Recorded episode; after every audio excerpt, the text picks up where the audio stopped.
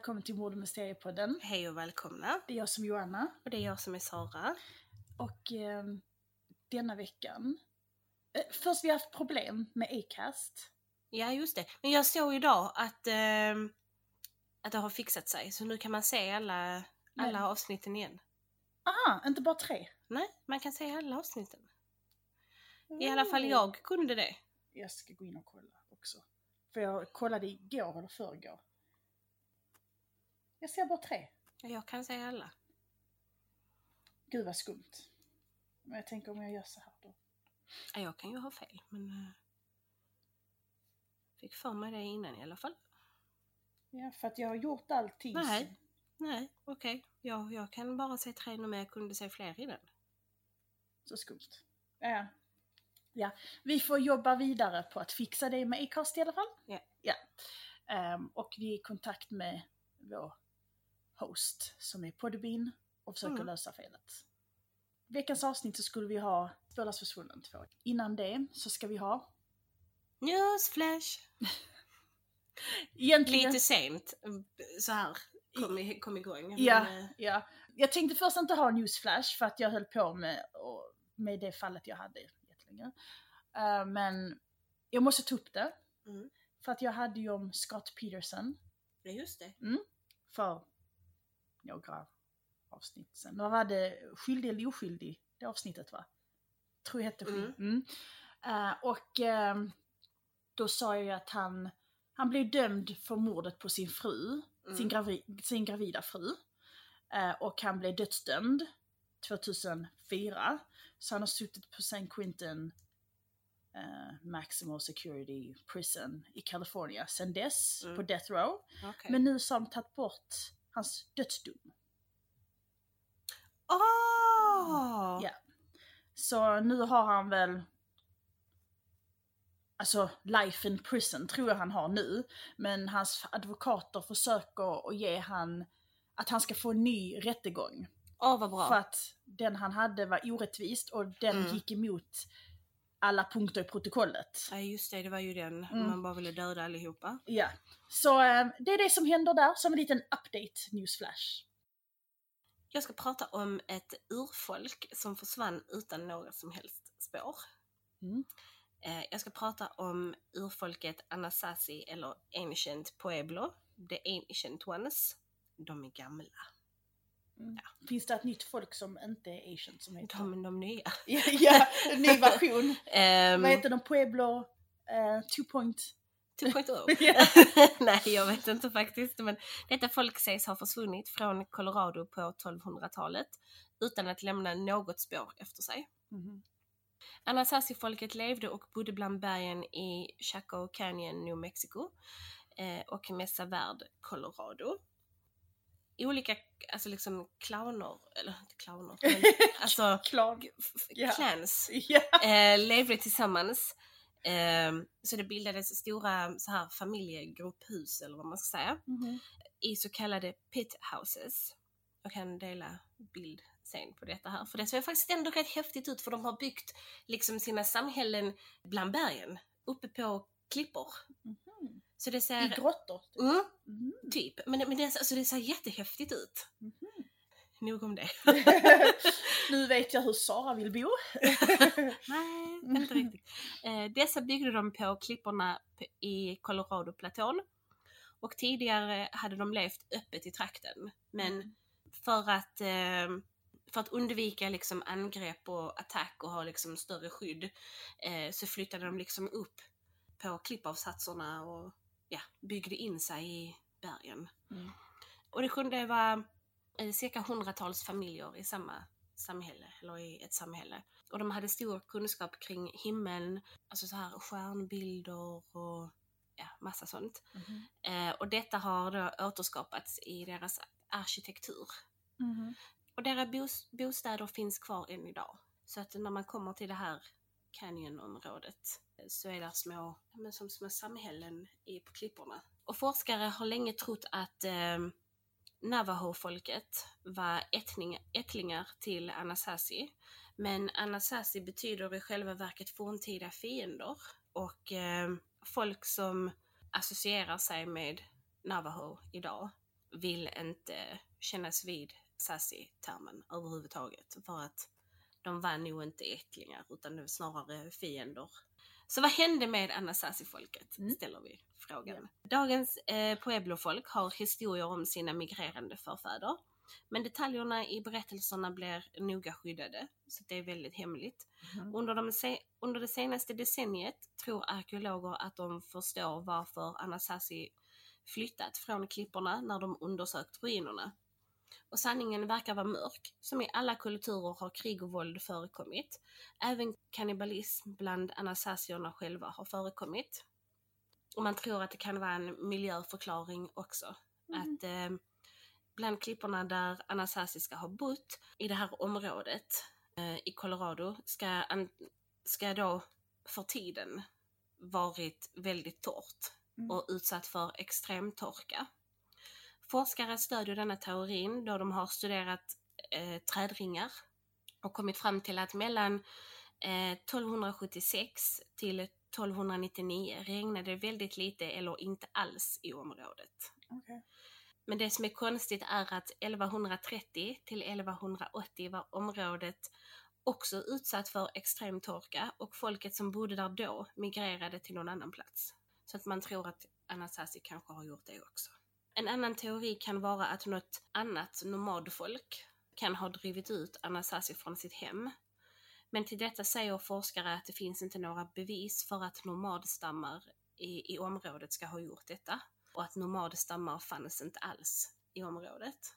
Eh, och om det nu skulle ha funnits eh, så skulle det varit så att detta nomadfolk skulle ha drivit ut cirka 10 000 tiotusentals Anasazi så skulle det finnas arkeologiska bevis för detta. Men det gör det inte. Mhm. Men är för- var platsen helt tom? Platsen var helt tom. Det att man driver ut någon och sen så inte tar över platsen själv. Det är därför att de tycker att det är konstigt eftersom Mm. att husen stod tomma. Tycker jag också. Ehm, så deras försvinnande förblir alltså det förblir ju olöst. ja. För att man vet inte säkert. Men att vädret kan ha varit ett... Eh, Så att den drivit bort dem ja, därifrån. för att det har Mm. varit för torrt. Ja. Eh, jag tänker plantor och sånt kan, kan ju inte växa om det är extrem torka. Nej. Jag tänker man kan, inte, man kan ju inte heller plantera saker in i en grotta för där är det mörkt. Plantor behöver ljus. Mm. Alltså, så det är ju inget, inget bra område. Och vad tror du då har hänt? Jag tror tyvärr Eller att- du har tyckt det var så tråkigt så orkar inte ens tänka. Nej, nej, alltså jag har tänkt på vad som kan ha hänt för att jag tror inte att de har försvunnit i tomma intet. Om inte där är en sten som slukar. Precis som eh, Förra Bennington. veckan, ja. Mm. triangeln. Ja, nej, det är ju helt sant. Men 10 000, en rätt stor sten i så fall. Eh, tycker jag. Alltså de var ju tiotusentals, de har ju inte, eh, de har ju inte gått in på någon mer räkning hur stora, hur stora byarna var eller hur många personer som fanns i, i en. Mm. Men eh, vad jag tror så tror jag på den här miljöförklaringen att den har drivit bort, extremtorkan har drivit bort dem från Men sitt hem. tänk, tänk så här, kommer man inte tillbaka ändå? För jag tänker, alltså flyttar man inte temporary? För att de har ändå byggt upp sina liv där, de har ändå byggt upp hus och hem och sådär. Så jag tänker, Alltså det kan ju vara så att de har haft alltid? Nej, men jag tänker att om de är så här, alltså har bott på den platsen länge, så kanske det finns någon, eftersom att det hade varit extremtorka ju något år innan, eller nästan hundra år innan. Mm. Men där kanske är någon, är kanske så långsökt, men att det är någon ättling från den förra torkan. Eller att det finns nerskrivet på något sätt fakta om extremtorkan tidigare. Mm. Och att skulle det hända igen så är de tvingade att flytta för att det kommer ta sig och så många år för, för det att regna igen eller något sånt. Hur lång tid tog det innan, alltså hur länge varade torkan? Från 1276 till eh, 1299. Det är ju en, 23 år? Ja. Jävlar. Och hur vet de det, att det var en torka så? För du, de eh, hade studerat eh, trädringar. Alltså fällt träd Mm. i närheten och så räknat liksom på ringarna. Du kan få jättemycket information om sånt. Alltså, Ja men är den hundraprocentig tänker jag? Ja, du kan ju se på plantor om de inte får vatten. Alltså, och det visar ju sig säkert Jo, i de jo, träden. men, ja, alltså, men jag tänker 800 år senare. Nej, jag vet inte, men det var vad som Ja. stod. Jag tänker att Jag jag... menar, finns det verkligen torkor i Colorado som varar i 23 år? Förr gjorde det kanske. Ah, let's be honest. Torka utan att det regnar på 23 år. Mm. Du säger det, mm. vad, vad mer har det hänt så Sara? Förutom öknen, förutom Saharaöknen. Nej men nej. Och det är en öken från Ja men en jag tänker att det är ju flera, det är ju flera år, till, flera hundra år tillbaka. Mm. Jag tänker att klimatet kan ändras. Men då hade Vårat inte klimat varit- är på väg att ändras. Ja men då hade det inte varit några träd där, det hade varit en öken. Ja men det var där kanske. Jag vet inte, Men- jag var inte rundresan Nej, då. men du sa de fällde träd som hade stått där då ju. Åh, jag vet inte faktiskt. Jag orkar inte tänka på det nu faktiskt. Ja men du såg bara när det var sån extrem torka i Sverige för två år sedan. Alltså det brann ju. Alltså gräset på två, tre månader blev ju helt svart. Så jag tänker varit så i 23 år. Ja, det står ju att det, det är inte... Jag trodde först att det var typ en torka i två år. Tänkte jag Nej. okej kanske då, men jag vet ju inte. Ska vi då hoppa till mitt Mm. försvinnande? Alltså mitt är också lite roligt vi har båda gamla. Mhm. Mitt är inte från 1200-talet då ju, men mitt är ändå rätt gammalt. Mhm. Och jag ska ta upp då försvinnande som hände för 108 år sedan. Oj. Och fallet väcker fortfarande fascination och ingen har egentligen några svar vad som hände lille Bobby Dunbar. Mhm. Detta är sensommar 1912, närmare bestämt den 23 augusti, och Robert Clarence Dunbar, eller Bobby Dunbar som han kallas, fyra år, är med sin familj i Louisiana i deras stuga vid Swayze-sjön. Så det är som en, det är en sjö men det är som swamp. Mhm. Mm. Du vet, Okej. ex- exakt så som du tänker swamp med alligatorer och sånt där. Sånt swamp är det. Mm. Åh. Ja. Ja. De är 11 personer som njuter av ledigheten och gemenskapen. Mm. Det är Bobby, hans mamma Leslie, pappa Percy, lillebror Alonzo samt andra familjemedlemmar och vänner till Mm. familjen. Percy, alltså pappan då, är tvungen att ge sig iväg för att jobba och Bobby blir arg och ledsen för detta och tar sönder snöret på sin stråhatt i sin frustration. Barbie frågar sin mamma om han får följa med Paul Mitzi, som är familjevän, Mhm. till sjön. Mm. Som ligger i närheten deras stuga de har där. Mm. Paul och Barbie eh, står varandra nära och Paul kallade eh, Barbie för Heavy som ett smeknamn. Alltså inget, inget taskigt. Nej, så, nej. okej. Mm. För han var stor för sin ålder. Han var stor okej. för att vara en fyraåring. Mm. Så att Paul är mer som en storebror för Barbie. Barbie får tillåtelse av sin mamma att följa med till sjön. Och de är flera stycken som går ner till sjön. Så alla killarna som var med i sällskapet sticker ner till sjön. Och de gör detta medan Leslie förbereder lunchen. Eh, när eh, lunchen är klar så kallar Leslie in på killarna och de går tillbaks mot stugan. Mm. Paul Mitzi ska ha lyft upp Barbies lillebror Alonso på sina axlar och sagt på skoj Get out of the way heavy or I'll run you over. Och Barbie ska ha svarat You can't do it, you ain't bigger than me. Är en fyraåring med stråhatt. Så gosigt. Så, ja, så då om Paul pratade svenska så sa han på skojigt sätt Akta dig heavy eller så kör jag över. Ja. Eller går över dig. Eller vad ska säga. Ja. Och Barbie svarade Det kan du inte för du är inte större än mig. Detta sägs vara Barbies sista ord. Alltså när sällskapet kommer fram till stugan Mm. så märker Leslie att hennes äldsta son är borta. Så de andra har, antagligen har de kanske pratat mycket och sånt där så har de inte märkt att han har kommit på efterkälke. Men jag tänker det kan inte vara så långt från mellan sjön och huset heller för att hon kallar ju in dem. Det är inte som att de hade mobiler så att de Nej. ringde och sa ni kan, ni kan komma hem nu. Eh, Man börjar leta efter Barbie direkt såklart och hans pappa får höra om att han eh, har försvunnit och skyndar sig tillbaka. Eh, Man letar runt sjön där killarna har varit men hittar inte honom. Man börjar le- leta på vägarna i närheten ifall han har bara gått iväg. Ja. Och det var inte som det är idag, alltså motorvägar och trafikerade vägar utan det var ju häst och vagn. ja, okej. Mm. Ja, det sa Eh. ju sig själv, men... Eh, Som Lilla huset på prärien. Det är det jag tänker på när jag gjorde detta fallet. Mm. Den känslan. Mm. Mm. Man börjar söka i sjön ifall han har ramlat i och drunknat. Så man slänger ut dynamit i sjön då för att, du vet när det smäller, Mm. så om någonting, en kropp har fastnat och du slänger ut dy- dynamit i det området så kan det skaka loss den så att det flyter upp. Mhm. Men det enda de hittar var ett dött rådjur i sjön. Det var det enda de fick upp. Mhm. De ska också ha dragit ehm, på eh, sjöbottnen Ja, ja. Ja. med liksom typ krokar eller så för att känna efter dem där. ja, för det gör de vid försvinnanden. Ja.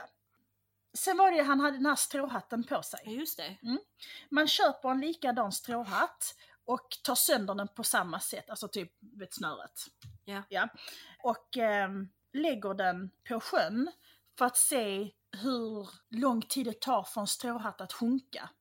Mhm. Och den höll sig flytande i flera timmar och de började leta omgående. Så hade han drunknat och han, i och med att snöret var sönder, Ja. så kan han ju inte knyta den under hakan. Nej. Så om han skulle drunknat eller bli neddragen så stannar ju stråhatten på ytan. Ja, precis. Mm. Eller på land om han har tappat den på land. Alltså Ja, också- exakt. Ja. Mm. Så då, i och med att de började söka efter han omgående så borde de ju sett hatten. Jag menar en stråhatt sticker ändå ut i naturen. Ja, och som du sa, den flyter ju. Så... Ja. Eh, Man fångar även in eh, flera alligatorer för man misstänker att kanske han har blivit ett byte för någon alligator. Åh. Och man skär upp dem men hittar inga rester i någon av dem. Stressen av att inte hitta sin son gör Leslie sjuk eh, och hon och de flesta i sällskapet reser tillbaka till Opepalooza, Louisiana där de bor. Paul och några andra av killarna stannar kvar och fortsätter sökandet ett tag till. Man hittar fotspår som har gjorts av nakna fötter som leder från sjön där killarna höll till, till ett tågspår.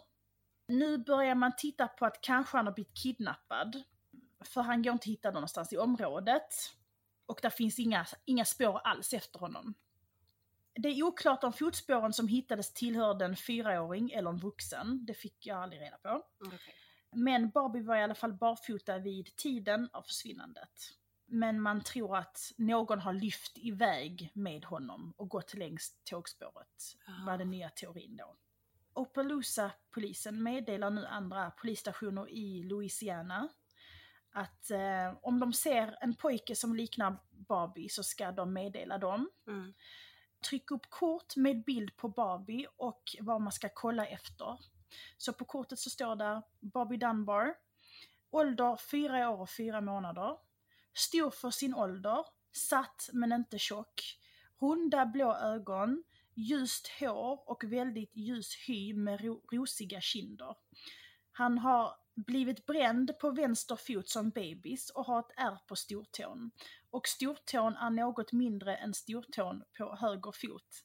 Han hade på sig en blå romper, en stråhatt och inga skor. Jag tycker det är roligt. Ena stortån var större än den andra. Ja. Mm. Det kanske inte är någonting jag hade kollat på om jag hade...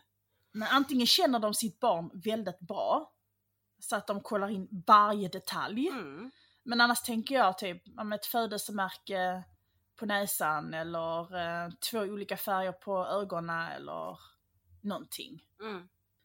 Många i deras hemstad, Opelousas då, samlar ihop pengar för att eh, ge det till den som lämnar tillbaka Barbie i livet. De samlar ihop 1000 dollars som är närmare 27 000 dollars i dagens pengar. Det ska de ge till den som lämnar tillbaka honom och inga frågor kommer ställas. Men efter åtta månaders sökande utan resultat så går pengarna tillbaka till de som har donerat dem i stan.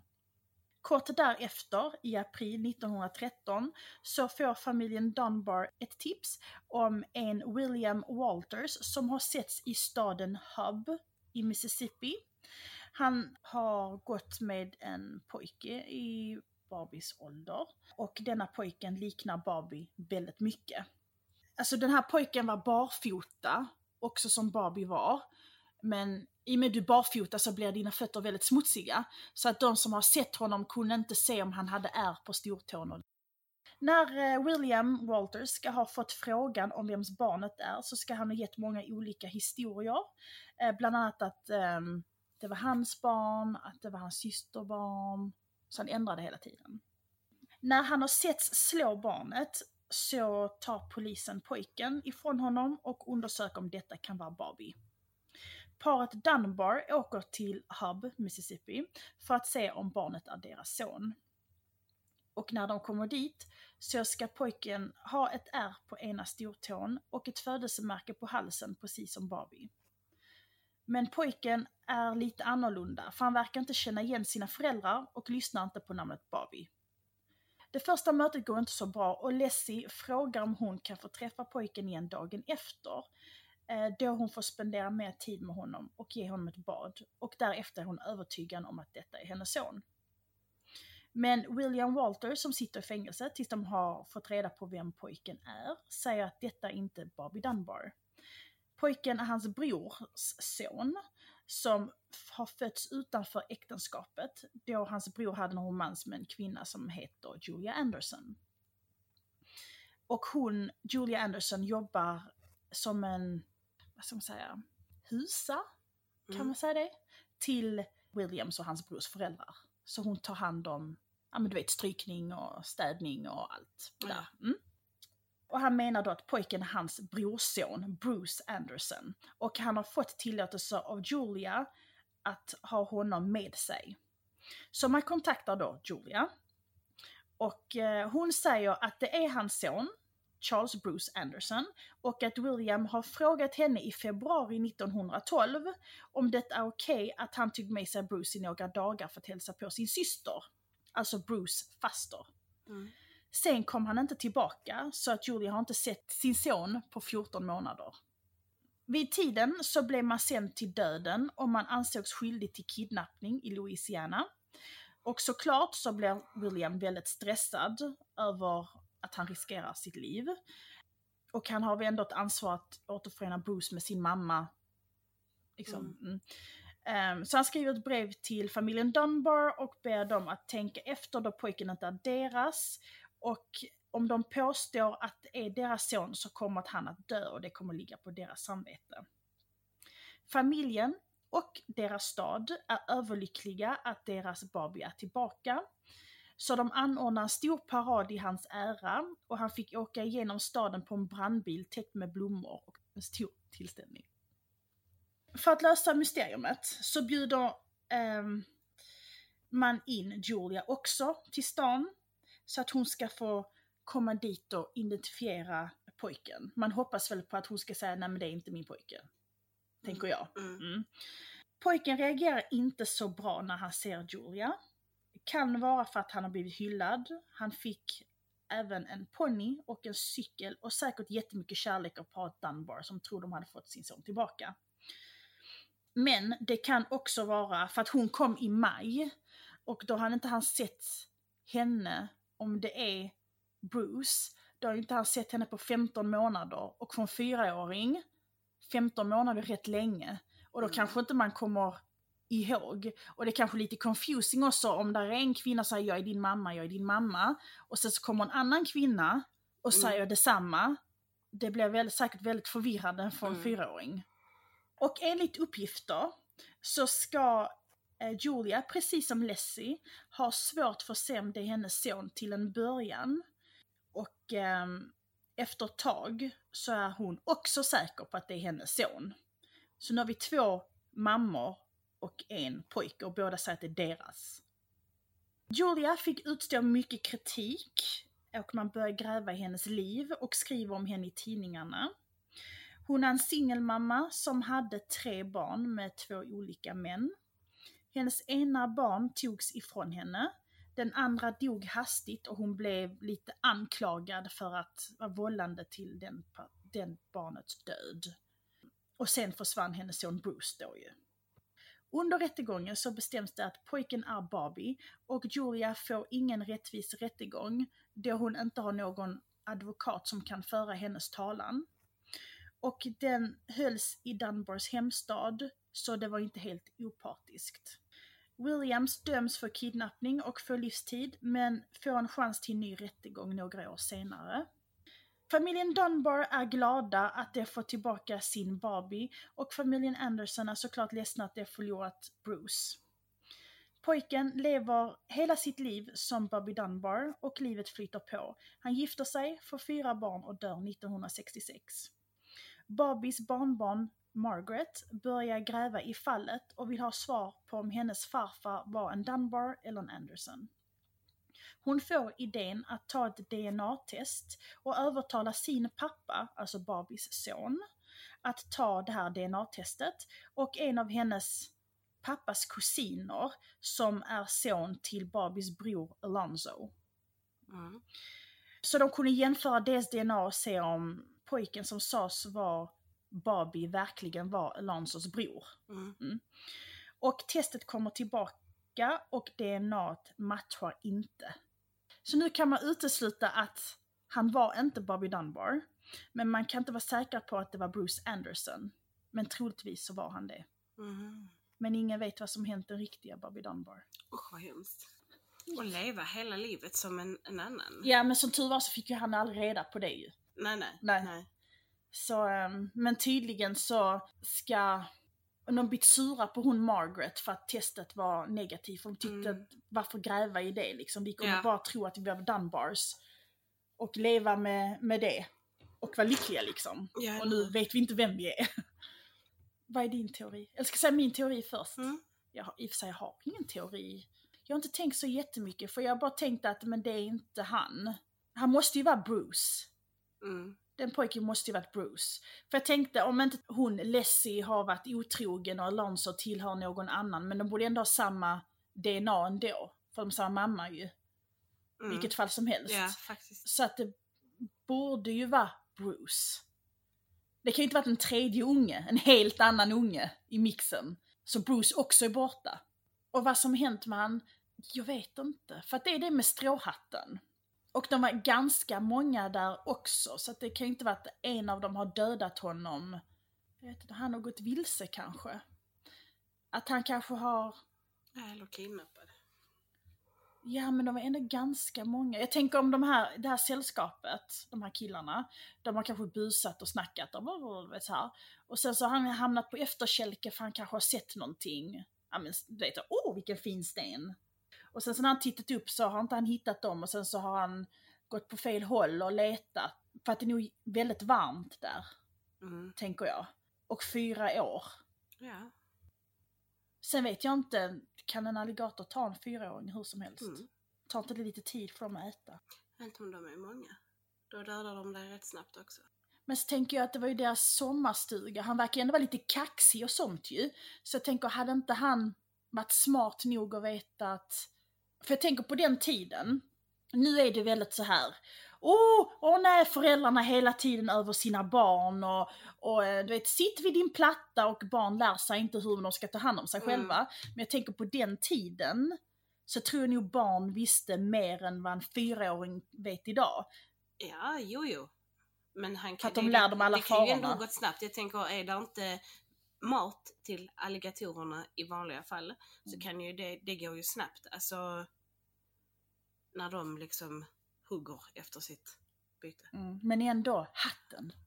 Han hade kanske lagt av den innan någonstans. Men de hittar ju aldrig den. Det är det som är så konstigt. De åt upp den också. Kanske. Fast jag tänker om de hade dratt ner honom så borde ju hatten flyga av. Då tänker jag en alligator äter väl inte så bara åh, här är en hatt också! Nej, nej, nej, jag vet, jag vet Mm. inte hur det, hur det går till. Det är en sak med kläder Det han har har på kanske sig. hänt en annan sak med, med hatten som de inte har skrivit om. Ja, men det var våra fall. Mm. Nästa vecka Ja. så skulle vi ha föräldrar som mördar. Ja. Så vi kan väl sätta ut en triggervarning redan här. Ja. alla bilder som vi har som har med fallen att göra kommer vi lägga upp på vår Instagram där vi heter mord, Mysteriepodden och på Facebook där vi heter Mord och Mysteriepodden. Det får vara lite förvirrande. Och på den ena, inte och på den andra. Mm. Eh, Och det är jätteroligt att ni skriver till oss. Ja, det är jättekul. Och, och tycker ni att podden är bra, så rekommendera gärna. Mm. För att vi vill nå 50 000 lyssningar till vår ettårsdag. Ja, Och vi är på 40 någonting, 41, 42. alltså så galet. Ja. Så Men jättetack från oss. Jag blir Ja. så varm och lite rosig om kinderna när jag tänker på att vi har så många. Men det är bara tacksamhet. Alltså, jag trodde inte detta. Alltså, alltså, som jag säger alltid, jag trodde inte detta när vi startade på den. när man tänkte så kanske om ett år kanske vi gör 5 000. Mm. Fyra kanske. Vi siktar inte så högt låter som. Ni får gärna hänga med oss nästa vecka Yes. då vi kör hemska föräldrar Ja. som mördar sina barn. Mm. Och tills dess så får ni ta hand om varandra och er själva. Och sen hörs vi nästa vecka. Det gör vi. Hej då! Hej då!